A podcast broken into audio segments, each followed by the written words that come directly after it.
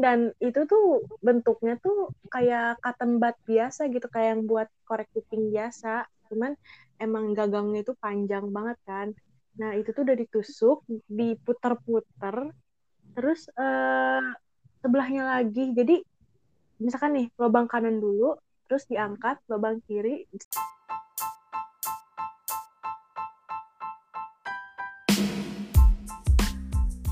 Alright, it's me Aina and welcome to Girl Thoughts Tempat di mana lo bisa curahin segala kesal lo dan keresahan lo tentang dunia hari ini.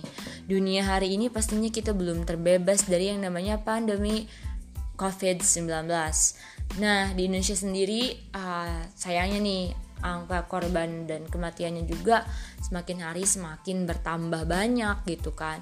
Bahkan pemerintah sendiri mengeluarkan kebijakan khusus untuk melakukan PPKM di Jawa dan Bali. Dan sekarang ada kabarnya bahwa PPKM ini ternyata diperpanjang guys.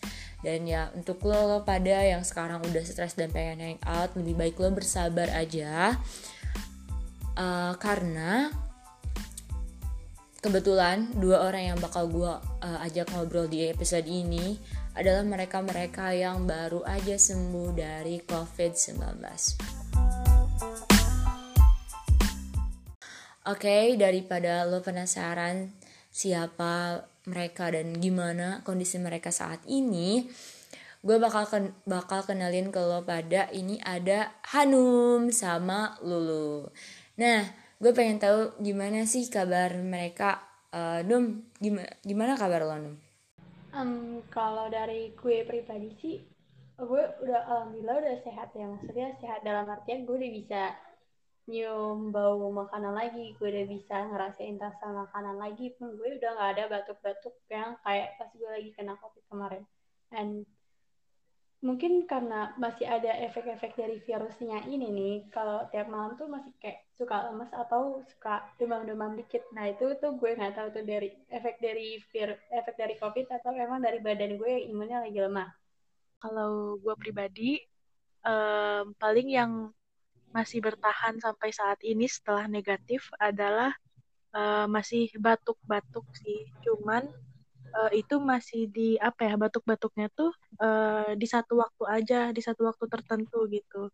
Kayak misalkan nih abis uh, sikat gigi tuh kayak ngerasa ini kayak berdahak lagi nih kayak waktu uh, positif gitu atau pas lagi diem tiba-tiba kayak yang pengen dikeluarin gitu kayak ada dahak tapi sebenarnya udah nggak ada gitu.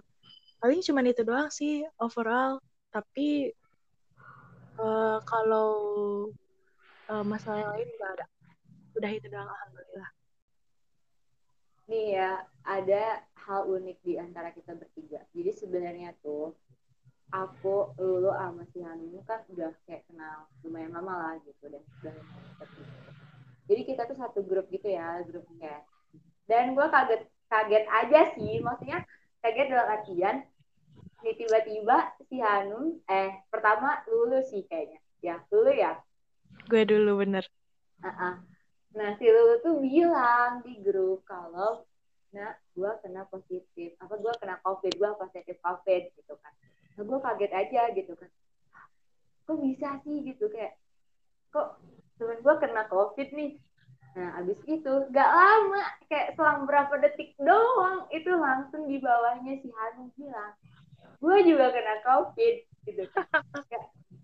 itu di grup, satu grup cuma tinggal bisa dua doang yang positif, bukan positif, amit-amit, yang negatif gitu. Saya kayak nggak terpapar gitu kan. Jadi cuma mereka berdua yang positif dan terpapar gitu kan. Di hari yang sama lagi hasilnya tuh gitu. Jadi agak ya agak aneh aneh bukan aneh apa ya disebutnya ya? Tapi maksudnya kok bisa gitu? Covid aja sampai barengan gitu gitu kan. Nah gue nggak tahu sih gimana mereka kena covid tapi tiba-tiba mereka ngasih tahu aja nih. Mungkin uh, apa sih uh, Hanum lu gimana sih uh, bisa kena covid? Kayak apa mungkin lu baru pulang dari mana kayak terus kena covid tiba-tiba. Terus gimana sih lu menyadari itu sampai akhirnya lu kena apa ya untuk swab dan apa ya tahu bahwa lu kena covid gitu loh kayak kronologinya bisa sampai lo positif gimana gue soalnya nggak tahu juga ya si Hanum tiba-tiba ngomong aja kayak gitu Um, alright. Jadi uh, sebelum gue, ya pas gue lagi kena covid itu kita belum lama ketemu karena di Bandung tuh kayak sekitar satu minggu atau lima hari gitu. Ketemu, gue habis dari Bandung kan, pulang dari Bandung. Tapi itu pas lagi tes genos di stasiun itu masih negatif hasilnya. Terus kita nggak tahu kan keadaan di kereta tuh kayak gimana kan. Bisa aja nanti pas di kereta gue ketemu sama orang yang positif atau ada virusnya di bangku kan kita nggak tahu. Jadi menurut gue tuh faktor gue kena si virus ininya, si virus ini bisa masuk ke badan gue tuh ada banyak ada banyak faktor.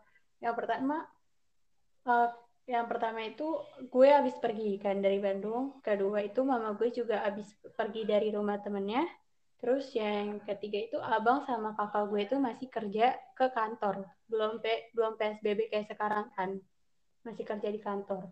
Yang keempat, yang keempat ya kalau nggak salah, yang keempat itu ayah gue ngewarung kan di, di rumah.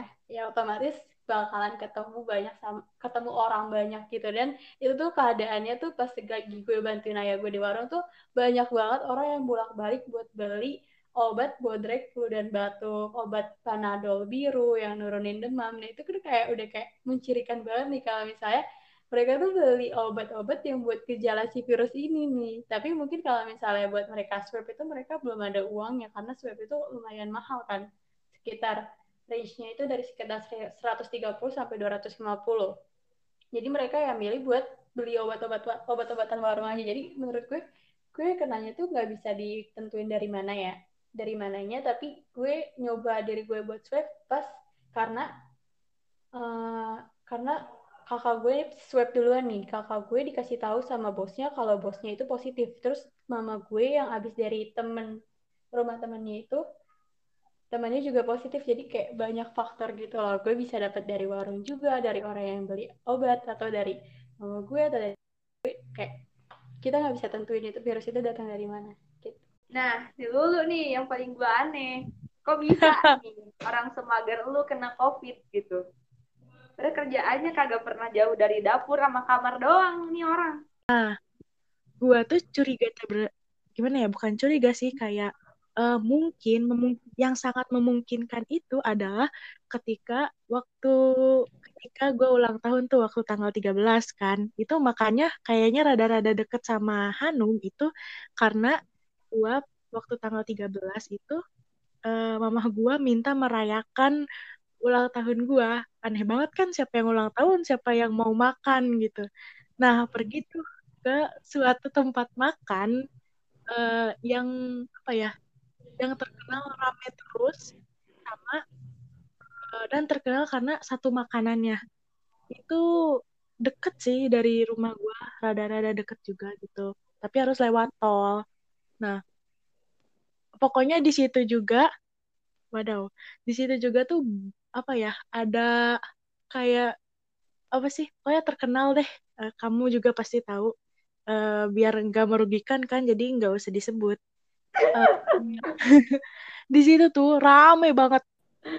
Even di situ ada kayak semacam polisi satpam kayak gitu ya uh, yang ngecek suhu tubuh pakai yang kayak tembakan itu loh termometer gitu.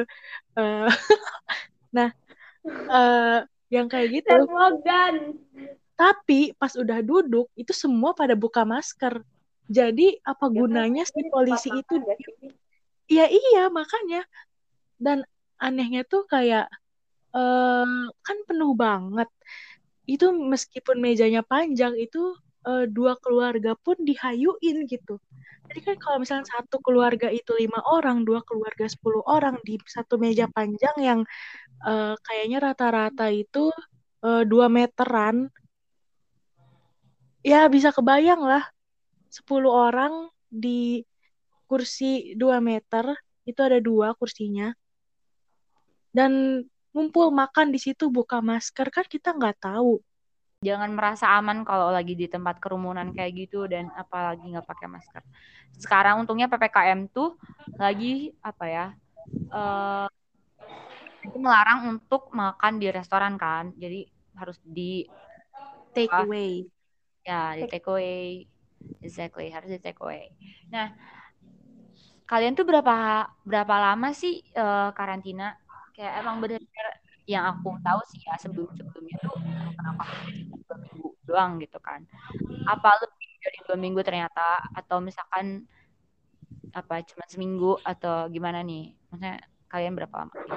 Kalau gue tuh pas lagi tes negatifnya itu pas di hari ke 10 ya ya pas di, hari, di hari ke 10 jadi nggak nggak pas nggak pas dua minggu gitu. Soalnya abang gue juga ada tuntutan buat disuruh kerja lagi dari kantornya. Jadinya uh, dia tes gue ikutan tes juga pokoknya.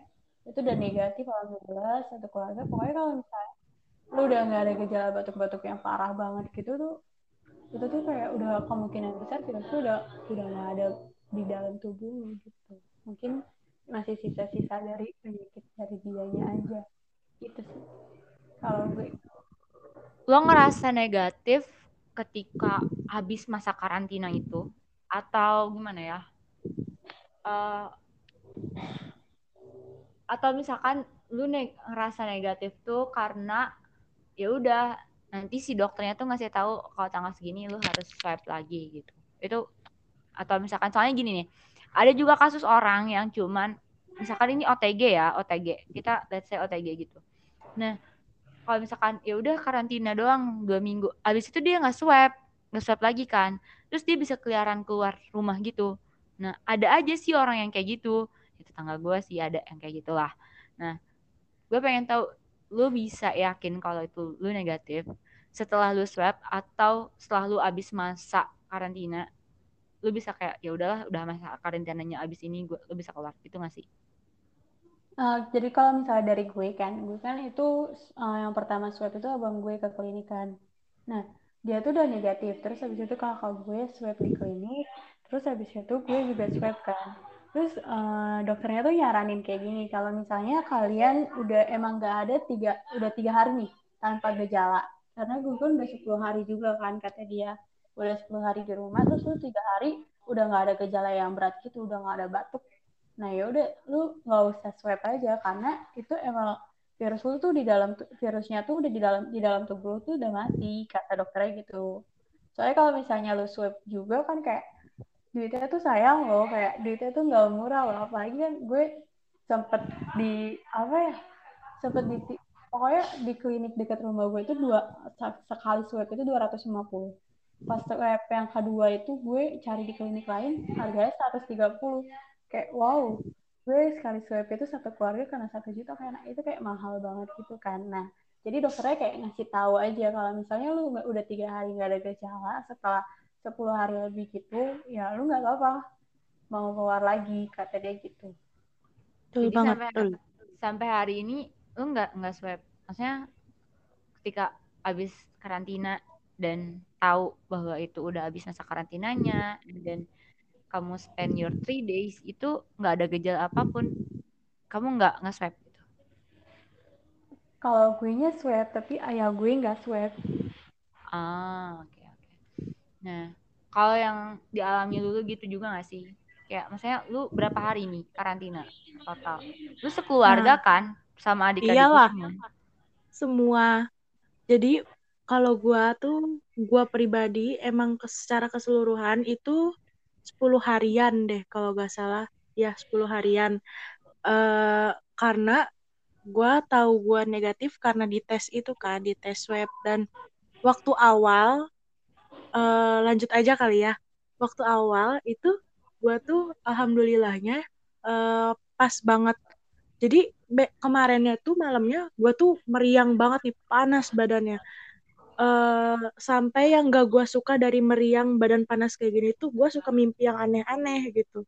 Kayak ya gue jadi tem jadi tukang bangunan gitu tapi gue nggak berhenti berhenti gitu. Kan kocak ya. Banget iya capek banget. Capek tau mimpi yang nyambung gitu tapi gue nya kerja gitu di mimpi. Iya. padahal ya gue kira lu mimpi dikejar virus corona gitu kayak agak.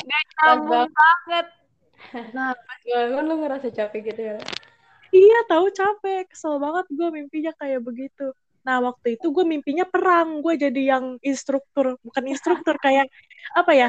Gue yang nunjuk-nunjuk nih orang. Komandan. Ya. Komandan. Dan, nih lu nyerangnya gini nih kayak gini bentuk segitiga tapi perangnya nggak habis-habis gitu kan jadi gue kesel gitu kan nah paginya itu gue pusing banget gue pusing banget dan nggak bisa nggak bisa dientar-entar gitu pekerja eh apa ya pekerjaan tuh maunya dientar-entar gak mau. Emang gue dasarnya mager terus gue ditambah pusing kan. Jadinya pokoknya gue nggak mau kerja gitu. Tapi di situ gue harus ngebantuin ibu gue yang emang sebenarnya ibu gue tuh gejalanya udah duluan gitu. Nah terus ayah gue malah batuk-batuk yang parah gitu loh bahkan Itu sampai- sepulang dari restoran kan? itu udah semingguan gitu Oh jadi ketahuannya itu setelah seminggu. Nah Iya. dari jarak dari dari dari jarak lo ke restoran sampai kena covid itu kan seminggu. Tapi di seminggu itu lu ke mana-mana lagi gitu nggak? Maksudnya kayak sekeluarga pergi lagi gitu nggak? kalau Atau dari sekeluarga atau dari apa atau dari yang seminggu yang itu lu nggak ke mana-mana, justru nggak ke mana-mana, terus abis itu tiba-tiba sakit gitu. Nah, ini waktu seminggu ini paling ya gua tuh ke mana-mananya cuman ke pasar. Eh, Nggak tiap hari, kayak tiga hari sekali, kayak gitu loh di jarak gitu. Karena kan eh, apa ya? eh, kalau udah-udah udah apa sih namanya? Udah kebiasaannya kayak gitu. Jadi kalau misalkan harus sehari sekali, gempor juga dong. Nah, makanya tiga hari sekali kayak gitu. Jadi gua yang keliaran gitu. Mamah Tapi gua yang pertama yang pertama kena tuh ayah Mama- kan? No, mama gua seminggu itu tuh ya gua beraktivitas biasa, mama gua tuh udah pusing, udah tapi nggak sesak napas Ah. gitu. Udah kerasa lah gejala-gejala kayak gitu, tapi kita nggak curiga gitu kayak oh ini mah meriang biasa, oh ini mah batuk biasa kayak gitu doang. Dan di situ kayak semua orang ngerawat mama gitu. Enggak. Eh biasa aja Terus gitu ya kalau gimana? Maksudnya kayak kok bisa menyebar gitu. Nah, itu kita tuh biasa aja gitu. Kayak mungkin nih karena mama punya darah tinggi kan, penyakit bawaan tuh, penyakit tambahan, jadi kayak lebih imunnya tuh lebih gampang terganggu gitu. Jadi kayak yang lain tuh ya sehat-sehat, bongsor-bongsor gitu kan. Jadi- ya. Iya. Eh, jadi itu kayak oh kita mah masih kuat gitu. Tapi seminggu kemudian karena karena sumber kita tuh udah punya sumber nih di sini. Terus kita satu satu gedung kan, satu ruangan, bukan gedung, gede amat. Satu atap. ruangan. Iya, satu atap. Jadinya eh karena ada sumbernya nih ya jadi kita jadi kena juga gitu. Yang tadinya mungkin udah ada eh, ditambah lagi ini yang eh, ada sumbernya gitu. Jadi kita makin-makin kena deh semuanya. Yang pertama memutuskan untuk akhirnya harus swab. Ayah gue karena nggak kuat dia batuk-batuk sampai ada darahnya. Ah. Eh, gue Dan nggak abis itu curiga. satu keluarga abis itu dinyatakan positif dan satu keluarga langsung swab gitu. Jadi kan eh, ini mah alhamdulillah banget gitu ya. Eh, di blok lain, jadi eh, di sini tuh mainnya blok-blokan, blok A, blok B, blok C gitu. Nah, di blok lain itu ada yang ngadain swab massal gitu loh. Tapi massal pun itu sepi. Jadi ya yang nggak nggak beresiko juga gitu. Nah, gue datang tuh ke situ, alhamdulillah kan. Jadi gak usah bayar, gak usah bayar deh kayaknya Ah. Gue datang ke situ bawa kakak doang gitu kan sekeluarga. Di swab tuh. Eh di swab anehnya semuanya tuh positif kecuali ada gue yang terakhir. Negatif tapi ada samar-samar gitu loh. Jadi Oke. dia antara positif sama negatif. Tapi setelah setelah kita swab semua dia malah positif. Jadi semuanya positif. Jadi gue menye apa ya gue menyebut welcome to the club gitu Iya benar-benar. Jadi semuanya ya, maksudnya kayak literally satu keluarga yang itu. iya Gue penasaran aja nih, kan kalian posisinya satu keluarga nih ya, isolasi mandiri kan. Otomatis kayak semuanya oke, we have to get rest, we have to get enough rest gitu kan. Soalnya kan dari rekomendasinya juga 10 hari gitu. 10 hari atau dua minggu sih sebenarnya? 10 hari 10 Tapi hari, mama, mama gue lebih 17 harian deh kayaknya. 17 hari. Nah, kalau apa sih selama itu, maksudnya kayak kalian nggak bisa ke mana-mana kan, otomatis di rumah doang. Gimana cara untuk take care, take care of your, take care of your family or take care of yourself gitu. Nah, kayak misalkan dari makan dan sebagainya, gue kayak penasaran aja soalnya oleh teman gue nih satu rumah itu semua anggota keluarganya kena covid kecuali dia berdua sama adiknya bertiga kalau salah adiknya dua dua atau tiga ya pokoknya sama adiknya doang. Gue nanya satu atap atau enggak? Soalnya khawatir kan kalau satu atap berarti ya dia juga kemungkinan besar kena kan gitu. Jadi eh, apa sih eh, kalau kalian ini posisinya semuanya gitu. Teman gue kan kalaupun seinya negatif dia masih bisa keluar juga gitu untuk misalkan beliin makanan gitu sebagainya. Nah kalau kalian satu rumah. Kayak begini siapa yang beli makanannya siapa yang masak siapa yang ke pasar gitu. Nah gimana sih selama di rumah tuh? Yang dulu deh. Kayaknya seru dengerin Hanum Um, kalau oke okay. pas dari ketahuan pertamanya negatif eh pertama kakak positif tuh gue sama mama gue tuh kayak langsung ke Alfa gitu loh bandel sih gue salah sih gue mengakui saat itu gue salah gue langsung ke Alfa beli makanan beli roti beli pokoknya beli makanan yang gue butuhkan lah beli bihun gitu-gitu kan deh mantap beli yang gitu, beruang enggak Enggak dong, kan alhamdulillahnya gue ngewarung. Gue punya oh, gitu. Iya. Gue, gue punya stok susu beruang dua dus yang kayaknya Ih, habis mantap. satu dus, habis satu dus Enak sama banget. keluarga. Ya kayaknya habis satu dus sama keluarga gue ada UC juga di warung gue. Jadi kayaknya gue kebantu sama warung juga kan ada beras, ada telur, nah ada Indomie juga kan. Nah dari situ tuh udah kebantu juga. Tapi di selain dari persediaan makanan yang ada di rumah gue kan kalau di Jakarta namanya Jakarta ya gak gampang lah kalau lu mau beli apa aja juga Shopee Food ada GrabFood ada Gojek aja pertari pertama hari pertama-tama tuh uh, gue sama kakak gue masih beli makanan yang enak-enak gitu loh. Kayak udah kita makan apa aja yang kita suka biar kita senang gitu kan. Pesan tuh dari GoFood dari Shopee Food gitu-gitu. Nah pas udah mama gue ngabarin ke temennya gitu kalau misalnya dia dia positif jadinya uh, teman mama gue tuh kayak apa sih namanya patungan gitu jadi dia kayak ngadain patungan terus selama satu minggu full atau berapa hari gitu. Dari pagi gue tuh setiap hari dikirimin makanan. Makanan kan gue tuh satu keluarga lima orang. Jadi dia kirimin kotak bekal makanan 10 biji. Jadi buat hmm. siang sama buat malam gitu. Itu tuh makanannya ada makanannya tuh kayak lengkap gitu. Ada ada ayam ada sayur ada tempe. Pokoknya ganti ada telur ada sambal gitu sih. Jadi kalau Ih, mantep soal, banget. Uh, jadi kalau soal makanan aman gitu.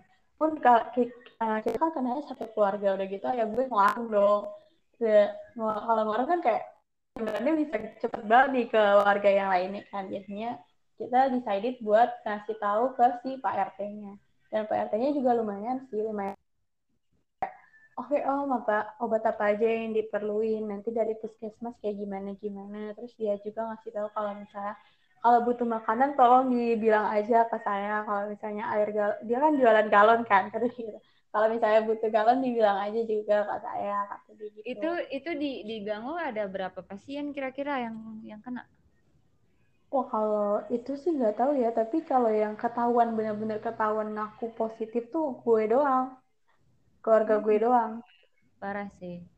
Soalnya iya sih, soalnya uh, tadi kan lu cerita nih kalau misalkan banyak pelanggan lo yang beli obat-obatan yang gejalanya tuh kayak hampir dengan gejala COVID. Dan itu aneh banget karena banyak banyak yang belinya ya nggak sih kayak nggak sesering nggak sesering sebelum ada si pandemi ini kan. Nah mungkin itu kayak ya bisa jadi sih itu kayak indikasi bahwa kayaknya tetangga-tetangga lo juga ada sih yang yang kena nih tapi nggak bisa ngejamin juga kan Maksudnya kayak belum pasti again oh. karena mereka nggak nggak ngambil swab kan Iya, gue juga ada satu interesting, ada cerita interesting nih kayak, uh, jadi kan di depan jalanan rumah itu ada orang buka angkringan gitu kan. Nah dia tuh tiap malam, ah ya namanya juga angkringan kan rame gitu Nah dia tuh nggak buka, dia nggak buka angkringannya kayak udah lama gitu kan. Soalnya kalau buka angkringan beli bahan-bahannya kayak gue kan, kayak tehnya atau kopinya gitu-gitu kan belinya kayak gue. Nah dia tuh udah lama nih gak buka nggak kelihatan yang disuruh ke warung tuh cuma anaknya doang. Anaknya juga tuh ke warung beli susu beruang, beli UC 1000, beli obat-obatan gitu. Ditanya nggak sama ayah gue, uh, kenapa nggak buka-buka gitu kan? Terus anak ya anak kecil umur lima tahun yang belum sekolah jawab aja dengan polos dia "Ah, nggak apa-apa keluarga aku lagi sakit. Terus dia kan sering bolak balik lagi sama ayahku ditanya gimana keluarganya kata dia ih mama aku udah nggak bisa ngerasain rasa cabe tadi lagi ngulek cabe tapi nggak bisa rasain cabenya kata dia. Ya terus ya ayah terus ayah gue terus ayah gue langsung wah parah nih keluarga ayah gue parah nih nih bocah bawa virus nih ke warung gua iya langsung bener-bener langsung dong kayak gitu kayak jadinya ayah gue tuh kayak pakai aja pakai di warung gue sediain hand sanitizer terus gue juga sering nemenin ayah gue di Nah, itu warung itu bocah bener-bener sih kelewatan tuh. Itu orang tuanya sih yang kelewatan nyuruh bocah segede gitu. Ya. Namanya tahu tetap aja dia bisa jadi carrier kan. Ya Bisa jadi dari bajunya kayak dari apanya kayak yang yang Tuh, bikin penghambat nggak mau tes tuh harganya nah harganya tuh mahal. Ya sih, Betul. ya juga sih. betul sekali.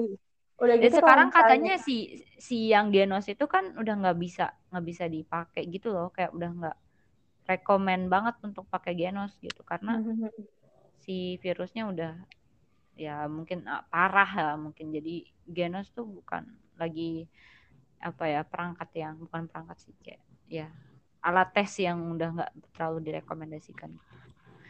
Nih aku tuh pernah nonton nih ya di TV gitu. Ada alat uh, ada yang menciptakan satu inovasi gitu ya untuk tes COVID hanya dengan berkumur-kumur. Itu aneh banget sih maksudnya lu tahu kan yang kumur-kumur sampai eh, sambil ini sambil sambil apa sambil kepala lu ngedongak ke atas gitu. Terus kayak sampai dalam banget kan sampai dalam tenggorokan gitu. Nah itu alat kumurnya tuh kayak gitu. Nanti lu buang cairan itu bukan dibuang sih kayak lu tampung lagi di tempatnya dan nanti mereka bakal bawa itu ke lab. Nanti bakal ada dapat hasilnya. Nah itu menurut gue bagus sih. Maksudnya bagus tuh bukan apa ya nih uh, yang udah pernah ngalamin swab. Gimana sih rasanya kayak geli atau sakit atau perih atau gimana sih? Uh. Gimana ya? Gue dulu ya Num. Ya lo aja aja tadi kan gue yang jawab. Apa ya? Mungkin karena karena di situ keadaannya gue tuh lagi udah batuk pilek gitu loh. Nah jadi ketika habis swab itu tuh kayak lu tuh ditusuk gitu loh udah udah ditusuk di ini hidung lu tuh ditusuk sampai dalam banget terus digoyangin gitu loh. Eh mantap banget itu saya terus si tusuknya tuh kayak cotton bud gitu gak sih? Atau gimana sih? Gue penasaran aja gimana rasanya itu di swab. Terus swab uh, hidung doang atau sama mulut gitu? Swab hidung dan itu tuh bentuknya tuh kayak cotton bud biasa gitu kayak yang buat korek kuping biasa cuman emang gagangnya itu panjang banget kan. Nah itu tuh udah ditusuk diputer-puter terus uh, sebelahnya lagi. Jadi misalkan nih lubang kanan dulu terus diangkat lubang kiri sama itu. Terus di situ abis itu gue langsung nangis dan nangis. Emang gak bisa ditahan. Dan langsung batuk-batuk sama bersin-bersin tahu nggak? Di situ kan kalau misalkan gue kalau misalkan lagi banyak orang orang parno gak sih? Apa sih ngedenger batuk ngedenger itu ya gak sih? Untung di situ lagi sepi. Itu tuh segitu tuh gue batuk gue bersin itu gue tahan-tahan. Soalnya duh takut eh takut orang-orang malah parno sama gue gitu. Gue penasaran selama lu mendongakkan kepala itu ya selama lu itu kan kepala si perawat atau yang ngetes itu kan di atas kepala lagi. Akuat iya. gak sih? Kayak pemandangan yang menurut gue akuat banget sih. Terus dia yang masukin itu ke hidung lu gitu masalahnya. Nah lu gimana? Kayak maksudnya akuat itu nggak? Gue nggak lihat mukanya sih soalnya mukanya juga mau diliatin apa cuman mata doang kan. Jadi Gimana kayak kayak posisinya kepala gitu Iya. kayak kepala yang masukin itu. Iya. Gue gak kalau gue yang lagi posisi lu kayak. Itu sebenarnya bakal awkward banget. gue cuman lihat atap doang udahlah eh gak usah ngeliat soalnya nggak nggak kenal juga dan ngapain ngeliat gitu ditutup semua cuma lihat mata gitu kan. Tapi itu di swab tuh nggak enak sih. Dan yang lebih nggak enaknya itu di swab di salah satu apotek yang viral tuh kemarin. Itu Gak tau itu itu itu parah banget sih. Ya nama merek itu. Udahlah itu tuh ini ini lebih parah sih tapi karena batuk pileknya udah lumayan berkurang jadi gua nggak begitu batuk sama pilek gitu. Tapi gua bener-bener nangis karena itu tuh ditusuk langsung diputer-puter gitu. Itu bener-bener kayak ditusuknya tuh kan kalau yang waktu awal ngetes positif atau negatifnya itu eh, kayak pelan-pelan gitu kan. Ini tuh langsung ditusuk terus diputer-puter diangkat lagi tusuk diputer aduh ya Allah ini nggak nggak berperi kemanusiaan banget parah banget sih ini Aduh hidung gue sakit lagi ngebayanginnya. Oke. makanya guys sehat-sehat ya Oh jadi berdoa jadi terus setelah setelah lu karantina lu swab lagi tadi yang apa? Yang kedua kali atau enggak? iya gue save lagi Oh, Eh. jadi ya, lu yakin banget nih kalau lu udah negatif gitu karena lu swab lagi. Iya. tahu nggak sih alasan nge-swab lagi tuh kenapa Enggak tahu, ya supaya yakin kan. Eh, karena bosen di rumah Oh. Asli. Hmm. Eh, waktu Tapi awal tuh lu bosan di rumah lu gak akan bisa keluar juga. iya makanya Kan web makanya biar keluar. nah itu Tapi lu keluarga kan atau eh tadi ayah kamu doang eh apa sih? apanya Yang Swab. yang nggak swab lagi, yang swab lagi nih setelah Swab. karantina habis. semuanya semuanya di swipe lagi kayak banyak duit banget ya nggak tahu tuh dapat apa dapat berapa uang yang Tapi kan lu yang dikeluarin. awal gratis kan. Jadi iya maksudnya lu bayar sekali doang berarti tetap aja gitu. iya iya sih cuman kan ya sayang duit juga gitu kan buat di save cuman di ya elah kayak cotton bud gitu eh gak boleh begitu Lu coba aja pakai cotton bud sendiri masukin. Eh, lo janganlah itu Nih. itu tuh gue tuh penasaran sama Hanum ya. Kan si Hanum udah udah udah pernah vaksin nih sekali. Dia vaksin sekali dia kena covid.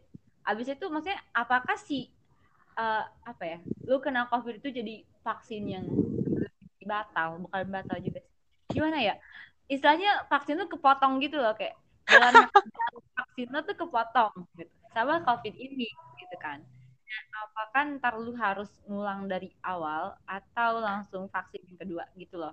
Gue penasaran aja. Lu udah tahu cerita lu belum tentang hal itu? Oh, eh, jadi kayaknya gue pas lagi dites positif itu ada kemungkinan dari vaksin kan, soalnya vaksinnya itu virus kan. oh betul. Oke Nah. oke. Eh, tapi karena alhamdulillahnya karena vaksin itu gue, ayah gue, mama gue tuh kayak nggak berat banget. Apalagi ayah gue yang udah vaksin dua kali. Nah kalau gue sendiri karena baru vaksin sekali, nggak lama lima hari atau empat hari ya atau seminggu lah pokoknya langsung kena positif. Eh, gue tuh baru boleh vaksin lagi. Gue lanjut ke vaksin yang kedua sih dosis yang kedua nanti. Eh, setelah tiga bulan setelahnya. oh jadi lu Iya. langsung ke yang kedua gitu Nah, gue udah baca-baca sih. Jadi gue tetap yang kedua, terus tiga bulan waktu jangka waktunya. iya Hmm. betul jangan Berarti- iri jangan iri Jangan. berarti lu eh, lu maksudnya lu, lu belum belum vaksin kan Berarti belum dong belum. sedih banget nih jarak dari vaksin satu ke vaksin dua tuh berapa sih sebenarnya Dua bulan. dua bulan oke berarti dua Eh, bulan lu udah mau habis ya terus ntar lanjut tiga bulan Tergantung kalau lu misalnya vaksinnya si AstraZeneca itu dua bulan dia ngebentuk imun tubuh kitanya. Kalau misalnya lu pakai vaksin Sinovac dia tuh agak cepet kayak cuma satu dua minggu sampai satu bulan. Hmm. Nih ada cerita lucu sih. Sebenarnya kemarin-kemarin tuh keluarga aku tuh kan mau vaksin gitu. Dan ini ya susah sih di daerahku masih susah banget untuk dapat vaksin. Jadi mama tuh bilang gini, enggak ah nggak mau vaksin takut mati gitu kan. Soalnya ada berita yang kena vaksin itu mati gitu. Abis itu meninggal gitu. Kok mati ya bahasanya? Meninggal gitu kan. Itu abis kayak lihat di grup WhatsApp gitu kan. Terus gue bilang nggak nih ya yang tahu meninggal kapan tuh yang mempengaruhi meninggal itu apa itu nggak ada yang tahu. Mau matinya karena vaksin mau matinya karena covid atau detik selanjutnya ketika lo lagi bernafas ketika lo masih sehat-sehat itu bisa aja mati gitu kan bisa aja meninggal gitu. Tiba-tiba lo jatuh ke seleo atau ya apa pun itu kepleset itu bisa menyebabkan meninggal gitu kan. Jadi menurut gue sih kalau misalkan lu ada kesempatan untuk bisa vaksin sesegera mungkin gitu ya lakukan gitu lakukanlah vaksin gitu soalnya uh, jadi jadi tujuan dari vaksin itu kan untuk membentuk satu komunitas yang emang udah kebal gitu ya sama imun gitu. Jadi bukan untuk satu individual gitu tapi untuk membentuk satu ya komunal gitu kan bentukannya.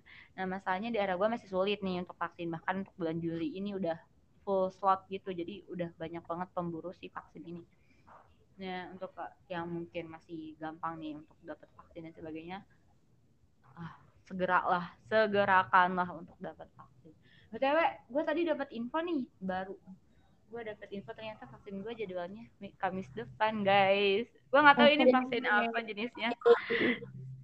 Tapi gue kayak seneng aja ternyata dapet ini jadwalnya keluar. Oke okay, guys so thank you so much. Ini udah very very getting so late gitu ya udah uh, tengah hampir tengah malam juga. So gue pengen ingetin lagi kena covid itu nggak enak banget dan ada lebih baiknya lu diem aja di rumah udah. Ppkm taati peraturannya taati si protokol kesehatannya juga. Apalagi sekarang double mask is a must gitu kan. Soalnya sekarang kayaknya satu masker aja nggak cukup. Harus banget banget double mask.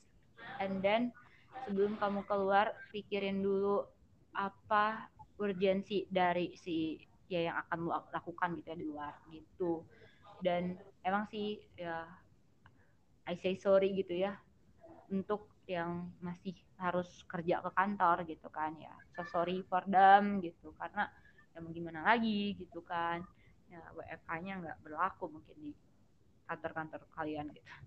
Nah pokoknya guys so you have to take care gitu. Harus benar-benar and then to uh, yang benar-benar apa ya ketat banget gitu untuk uh, si menjaga kesehatan selama pandemi COVID-19 ini. Sebenarnya harus bersabar. You are not alone. We are all on the same boat now, right now, gitu ya, in this time. So harus to be more patient aja gitu. Dan kalaupun misalkan uh, ternyata kena COVID, apa ya harus benar-benar kayak ya udah langsung isolasi mandiri atau misalkan salah satu keluarga kena ya mau nggak mau juga harus isolasi mandiri. Sebisa mungkin lu swab juga gitu. Pokoknya ikutin aja sih itu. Semoga uh, perbincangan tadi yang habis kita uh, obrolkan bersama teman-teman gue ini bermanfaat.